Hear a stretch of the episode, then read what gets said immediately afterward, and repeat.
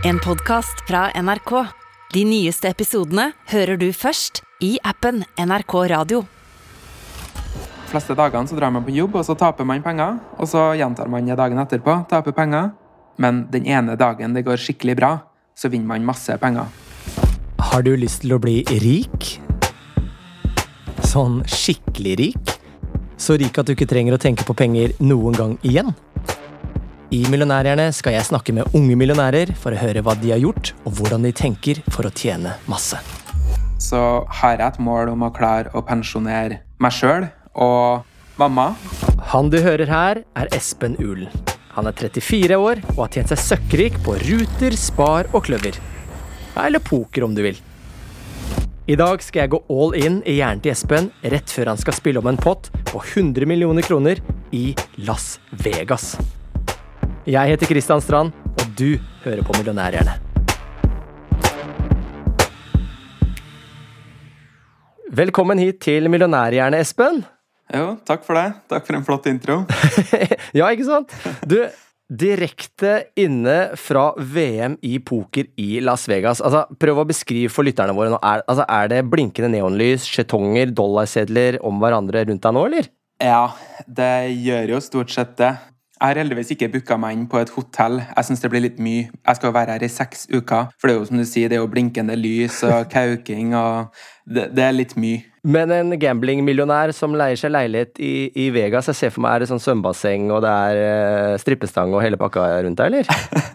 jeg er så gæren er ikke. Svømmebasseng er det, men ikke privat. Det er en del av et slags uh, leilighetskompleks som jeg bor i her. Men du, i denne podkasten så går vi rett på noen raske spørsmål. Er du klar? Ja, kjør på. Hvor mye har du på brukskontoen din akkurat nå, Espen? Uh, på brukskonto så har jeg sånn rundt 200 000. Rundt der. Altså, jeg, jeg, følger, jeg, jeg, sjekker jo Instagrammen din, og der var du ute og shoppa på, på stripa i Vegas her om dagen. Uh, hva kom regningen på på de klærne?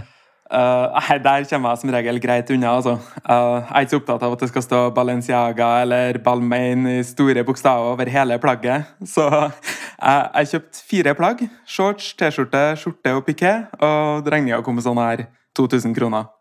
Så helt, helt innafor. Hva er det meste du har vunnet i poker på én dag? Seks millioner norske er det største jeg har vunnet på én dag. Seks millioner? Og hva er det meste du har tapt på poker eller investeringer på en dag, da? Uh, meste jeg har tapt på poker i løpet på en dag, er vel en 200 000-300 000 norske, tror jeg. Men uh, på investeringer så røyk jeg nylig uh, litt over en million dollar på 24 timer, eller noe sånt. Én million dollar? Shit. Men nå har vi jo blitt litt mer kjent med deg, så nå skal jeg prøve å pirke inn i hjernen din. Aller først, bare sånn at vi har det klart. Hvor mye er det du har tjent på poker så langt? Det er et veldig vanskelig spørsmål å svare på, for jeg har aldri vært uh, super, ja, jeg har aldri vært superflink på før regnskap og sånne ting, men jeg starta å spille poker Jeg har spilt poker over halve livet nå. Jeg har spilt poker i 18 år. Ja, men Er det, er det, er det 10 millioner, 20 millioner Eller snakker vi 100 millioner?! uh, hvis jeg skal tippe, så tipper jeg Det er mellom fem og ti, tipper jeg. men, men når var første gang du skjønte at du var blitt pokermillionær? Jeg husker egentlig ikke helt. Jeg husker jeg hadde det som mål en gang. At uh, første målestokk eller milepæl var på en måte å bli millionær. Men jeg husker når jeg kom dit, så var det på en måte ikke noe Det var ingenting som hadde forandra seg, og det gjorde ingenting med, med livsstilen min. Eller det, det var på en måte bare OK, nå må vi finne et nytt mål. Neste mål er fem millioner. Og så jobba man bare mot et nytt mål i stedet. Det har på en måte hele tida vært bare sånn her dataspilltilnærming til det. At man bare skal komme til neste nivå. Men la oss prøve å spole litt tilbake, fordi du startet jo ikke med poker. Det hele startet på gutterommet med en datamaskin og gaming, egentlig. Um, jeg spilte ganske mye Warcraft, et strategispill, når jeg var yngre. Og der var det en par av de Warcraft-kompisene mine som starta med poker, som omsider overtalte meg til å starte med poker òg.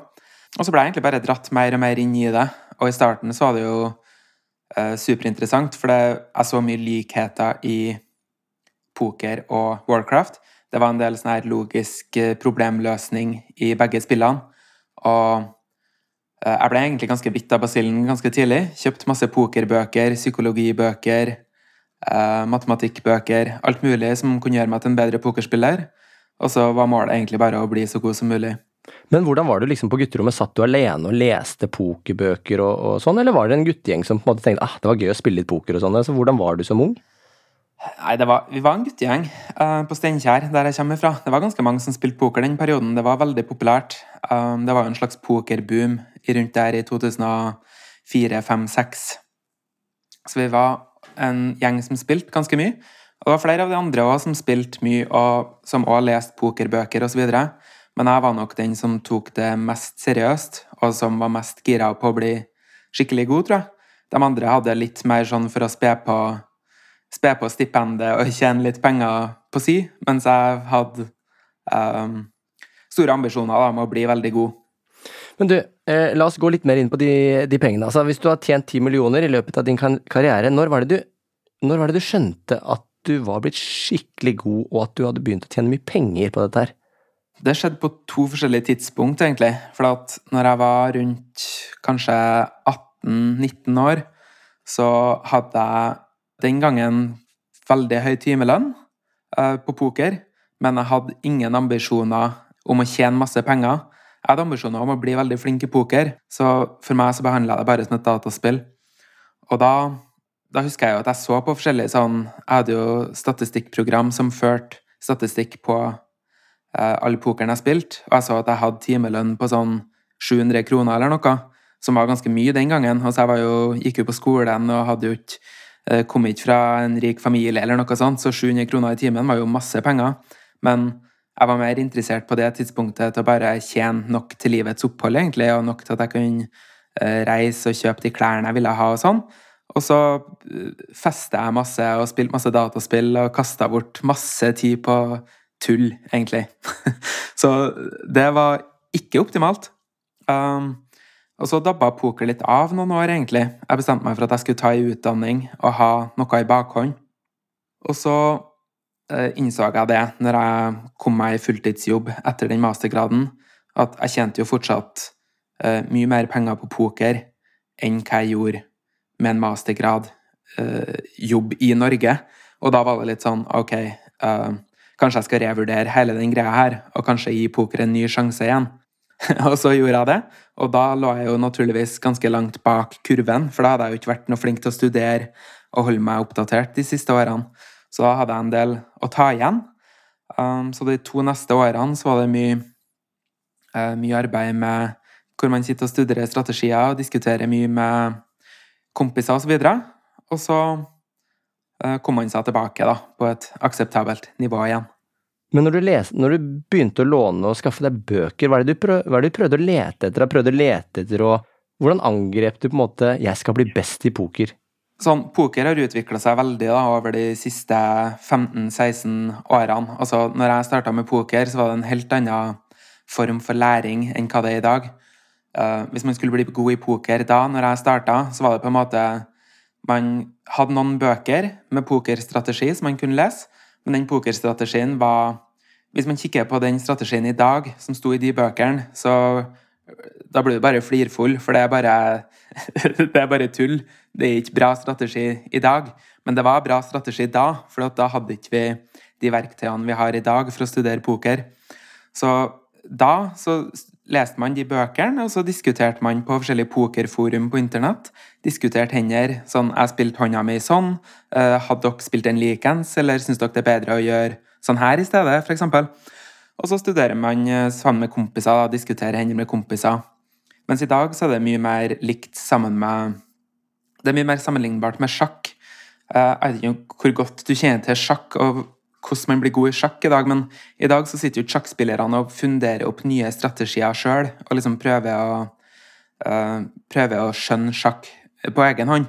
I dag sitter de jo og studerer chess engines, uh, som er PC-algoritmer som uh, perfeksjonerer sjakkstrategi. da. en chess engine vil jo gi deg en optimal strategi i forskjellige stillinger på et sjakkbrett. Og i lik, likhet med det så har vi poker engines, eller poker solvers, som vi kaller det. Som er PC-program som løser strategien bak forskjellige pokersituasjoner. Og det gode pokerspillere gjør i dag, er jo at de sitter og studerer de solver-strategiene og prøver å memorisere til en viss grad og finne mønster i det, osv., osv. Men da du var ung, hvorfor var det så viktig for deg å, å bli god i poker? Var det noe du ville bevise? Eh, jeg tror nok det var en del at jeg hadde lyst til å bevise noe, ja.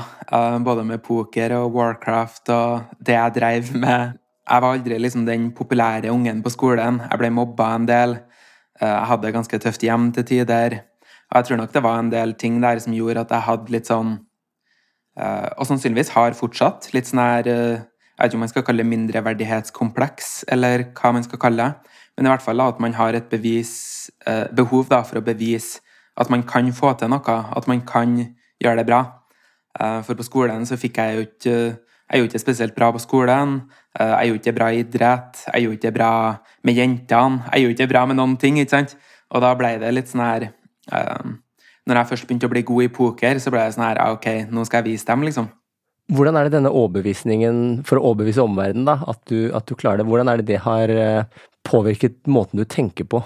Jeg, jeg, jeg tror egentlig sånn Jeg tror hele den, den, barndomsopplevelsen som jeg snakker om der, da, at jeg kanskje ikke hadde verdens letteste barndom, jeg tror det har hjulpet meg veldig i poker spesifikt. For en ting som er veldig viktig, føler jeg, i poker og i investeringer, i trading, i alt mulig man gjør, så er det at man må disconnecte litt fra følelser. Og en stor feil som veldig mange pokerspillere gjør, da, er at de henger seg opp i resultatet av én pokerhånd eller én turnering hvor de hatt uflaks og tapt. De blir liksom emosjonelt tilknytta til et spesifikt utfall. da. Hvis du blir emosjonelt tilknytta til en trade eh, eller ei pokerhånd eller hva det er, så er det veldig vanskelig å spille optimalt eller å trade optimalt. Og det at jeg ikke hadde verdens letteste barndom, tror jeg nok gjorde at jeg lærte meg fra ganske tidlig av å disconnecte litt fra følelser og at jeg så det på et litt sånn utenfra-perspektiv. Og uh, heller fokusert mer på prosessen, da. Så jeg, så jeg, tror nok det var en ganske stor fordel. Ikke på alle områder i livet, men uh, for poker og investeringer så tror jeg nok det er en stor fordel. Ja, så når, når, du nå sitter under VM i poker i Las Vegas, så, så klarer du på en måte å skille mellom det du gjør på, på, bordet, og følelsene. Og det gjør også at du kan, kan vinne mer penger, rett og slett? Det er jo et stort mål, i hvert fall. da. Si at du har veldig uflaks i ei stor pott, i ei stor pokerhånd. Så taper du stor pokerhånd, og så blir du veldig frustrert. Og du føler at uh, nå må du vinne tilbake, eller uh, du klarer liksom ikke å spille optimalt etterpå fordi du har de der negative følelsene hengende i deg. Da vil jo det naturligvis påvirke uh, hvor bra du spiller, da. Og det er jo hele tida målet å prøve å holde de følelsene i sjakk og heller fokusere på strategien bak spillet, da, og bare behandle det som et hvilket som helst annet dataspill, eller hva det skal være, hvor man bare fokuserer på prosess og strategi, og ikke eh, pengebeløpene som faktisk er bak, da. Og det er jo alle som har vært, eller har drevet med enten om det er å kjøpe og selge aksjer, eller om det er å kjøpe og selge bitcoin, eller som du driver med poker, vet jo at man blir følelsesmessig knyttet til, til både seier og tap, da.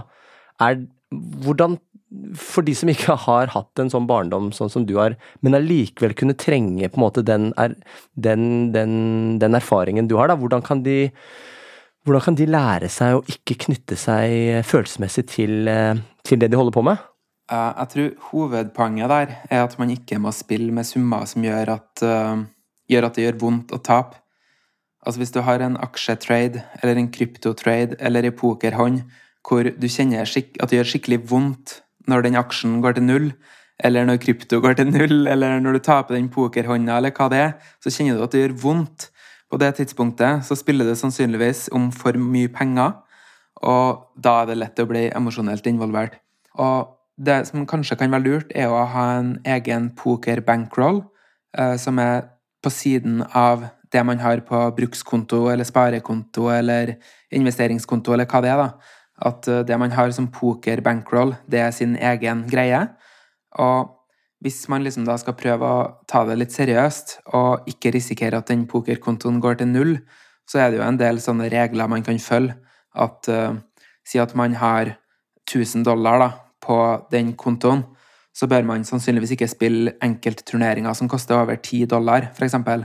for da har man 100 turneringsinnkjøp tilgjengelig, og hvis man er en flink pokerspiller, så skal det godt gjøres å tape 100 eh, turneringsinnkjøp på rad, på en måte.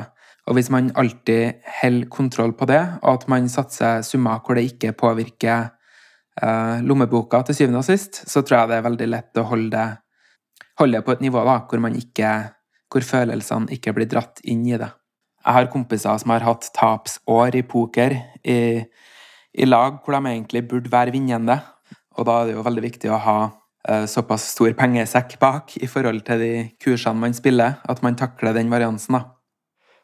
Poker har jo også en, en bakside, eh, eller egentlig all gambling har jo det, at man kan bli eh, spillavhengig. At man kan gå så all in i det at, eh, at det rett og slett blir en, en sykdom.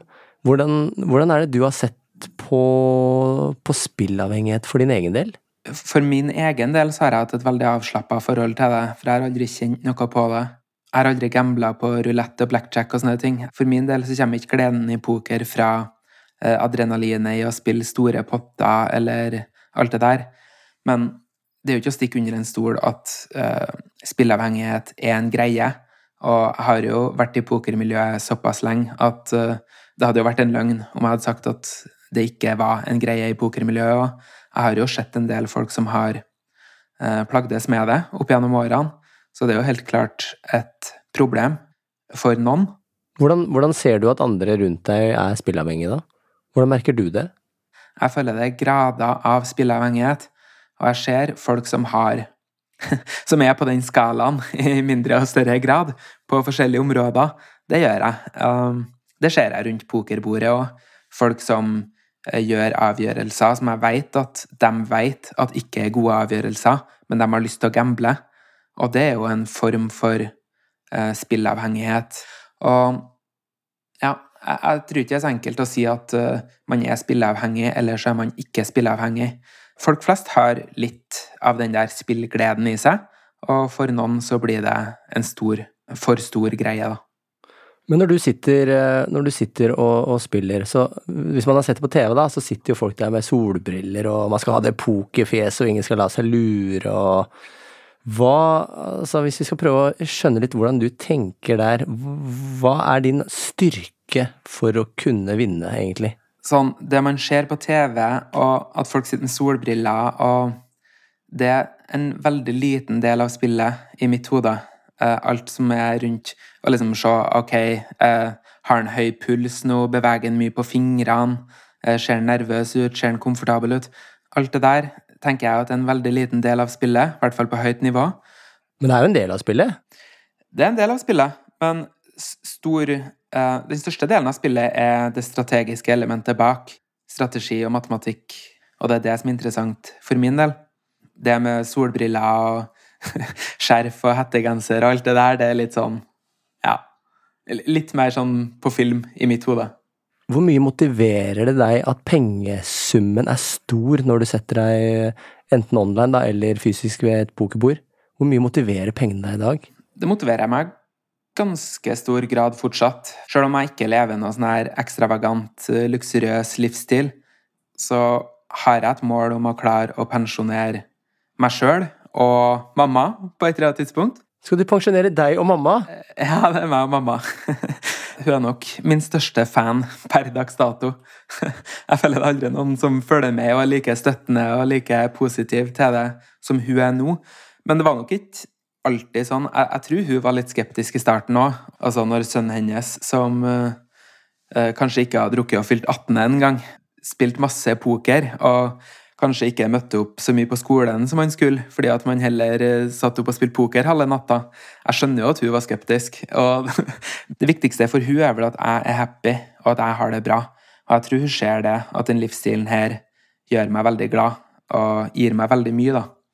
Um, jeg føler jo hele tida i poker at jeg utvikler meg videre, og har mye frihet, og det er mye positive element der som gjør at jeg lever et veldig godt liv. Og jeg tror nok det er det viktigste for hun. Hvordan er det pengene gir deg et godt liv, da? Det handler mest om frihet, egentlig. Frihet til å reise der jeg vil, spise det jeg vil, uh, bo som jeg vil. Um, sånn som nå, etter, etter pandemien på en måte hadde roa seg ned i London, så hadde vi jo basically sittet i lockdown i London i to år. Og sittet foran PC-en og bare spilt poker i to år i strekk, mer eller mindre. Uh, så da fant vi ut, jeg og noen kompiser, at vi skulle ta en periode og koble fra litt. Så da dro vi til Thailand, og så bodde vi i Thailand i fem måneder, ble det vel til slutt. Og bare det å ha muligheten til å gjøre noe sånt, det er det jeg setter mest pris på med å ha penger. For å bli så god som du har blitt i poker, har du måttet ofre noe? Fritid og Ok, den livsstilen her er ikke veldig forenlig med å ha eh, samboer eller kjæreste. Man må ha en veldig forståelig Forståelig, er det et ord? Man må ha en, jeg kan ikke snakke norsk lenger. Man må ha en kjæreste som er veldig um, tolerant. For mye av pokerspillinga foregår jo på natters tid, spesielt hvis man skal bo i Europa. Så spilles mye av de turneringene på natta, eller til tidlig morgen. Det er masse reising. Um, og på de reis, på de, når vi reiser på de pokerturneringene, så er det jo veldig mye av tida som blir brukt på kasino. Så jeg tenker man må ha en veldig tolerant kjæreste som skal være med på alt det der, i så fall. Men så vet jeg jo at det er folk som gjør det veldig bra i poker, som har samboer, som behandler det mer som en ni til fem-jobb. De står opp om morgenen og spiller eh, poker, mens kjæresten er på vanlig ni til fem-jobb. Men nå skal du prøve å vinne videre i poker-VM, eh, og du har jo sagt at du, at du, forbereder deg som en toppidrettsutøver. Altså, hva legger du i det? er det sånn styrketrening og løpetrening og, og spise sunt og sove riktig og sånn, eller? Ja, Uh, har jeg sagt det? At jeg er verdens toppidrettsutøver?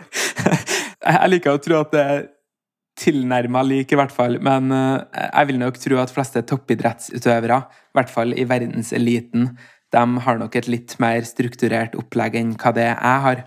Men jeg prøver jo å holde meg frisk og rask og sunn, både mentalt og fysisk og det som er. Så jeg legger jo en del uh, innsats i trening og kosthold. Jeg prøver liksom å spise sunt, ikke drikke noe særlig alkohol. Legger en del tid i meditering og journalføring og sånne ting. Ting som jeg føler at kan påvirke til bedre mental helse. For det er jo som sagt veldig viktig å ha god mental helse i poker. At man har kontroll på følelsene, og at man klarer å beherske, beherske seg når det ikke går veien. da. For realiteten er at i poker, spesielt hvis man spiller pokerturneringer, så vil de fleste dagene man drar på jobb, så vil man tape penger. Men den ene dagen det går skikkelig bra, så vinner man masse penger.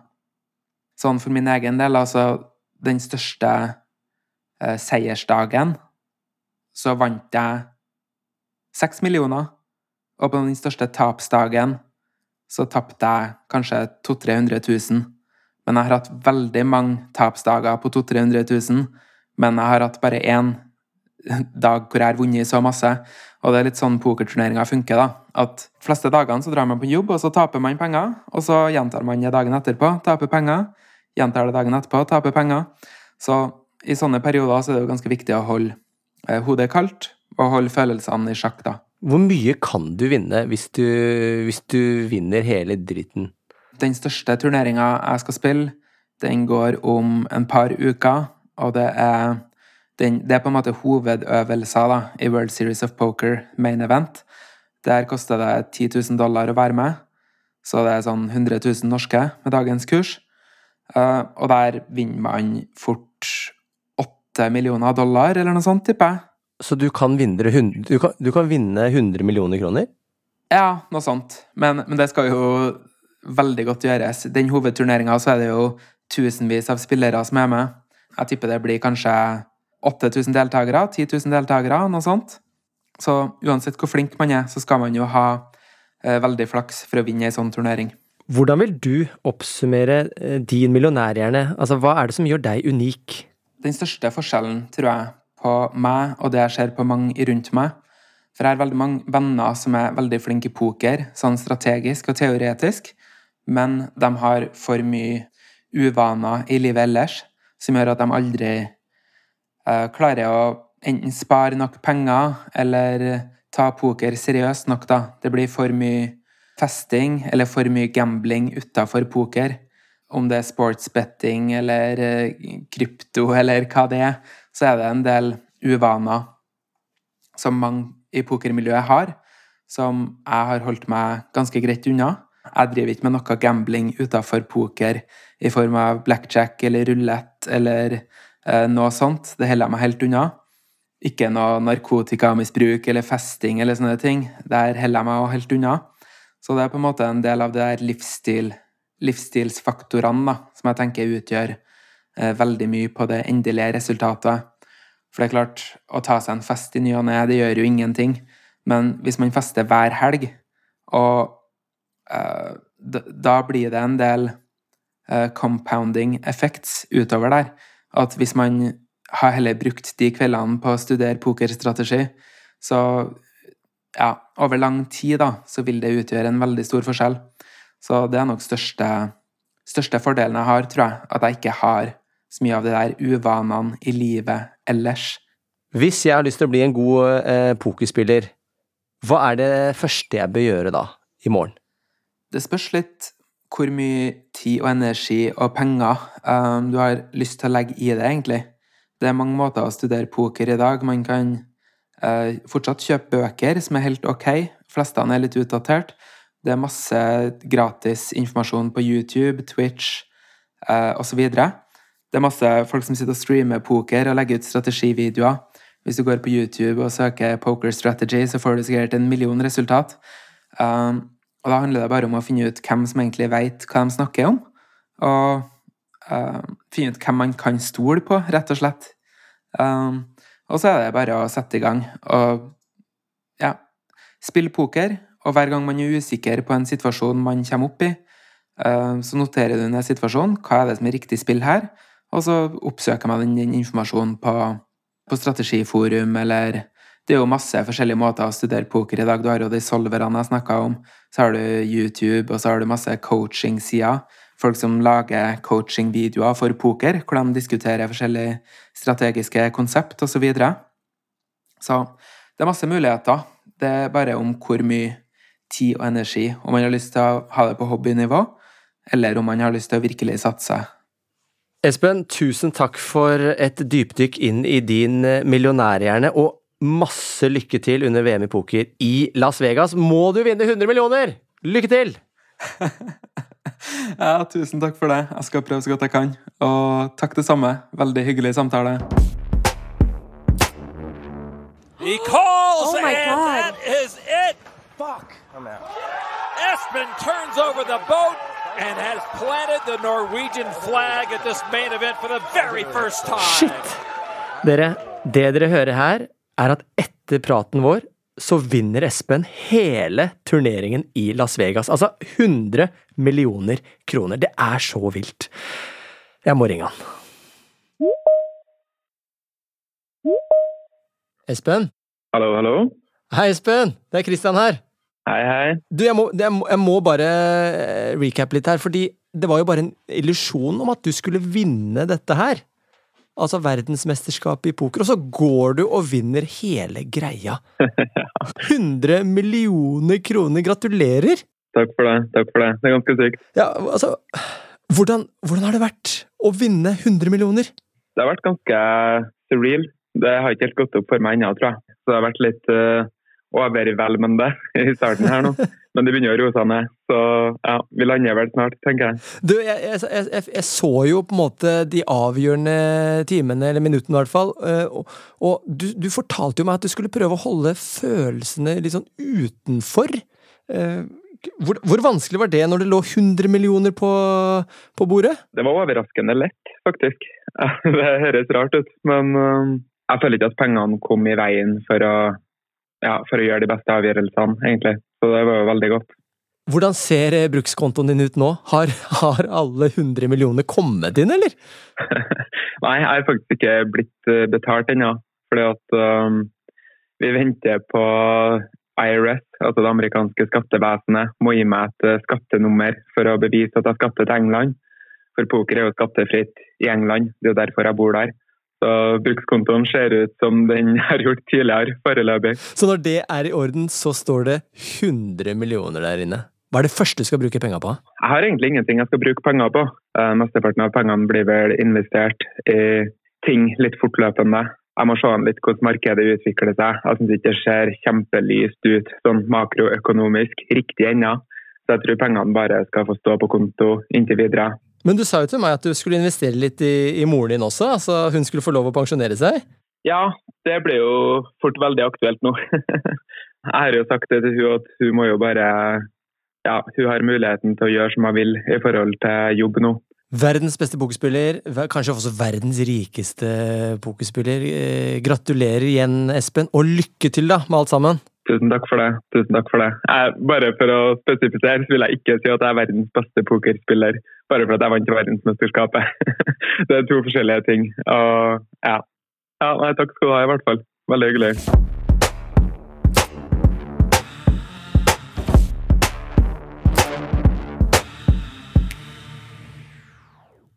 Denne podkasten er produsert av Freemantle Podcast for NRK. Den er laget av Anna Cappler, Espen Rogne og Annie Ostrø. Programleder er Kristian Strand, og ansvarlig produsent for Freemantle er Mira Khan. Prosjektleder i NRK er Halvard Jacobsen, og redaktør er Randi Helland. Du har hørt en podkast fra NRK.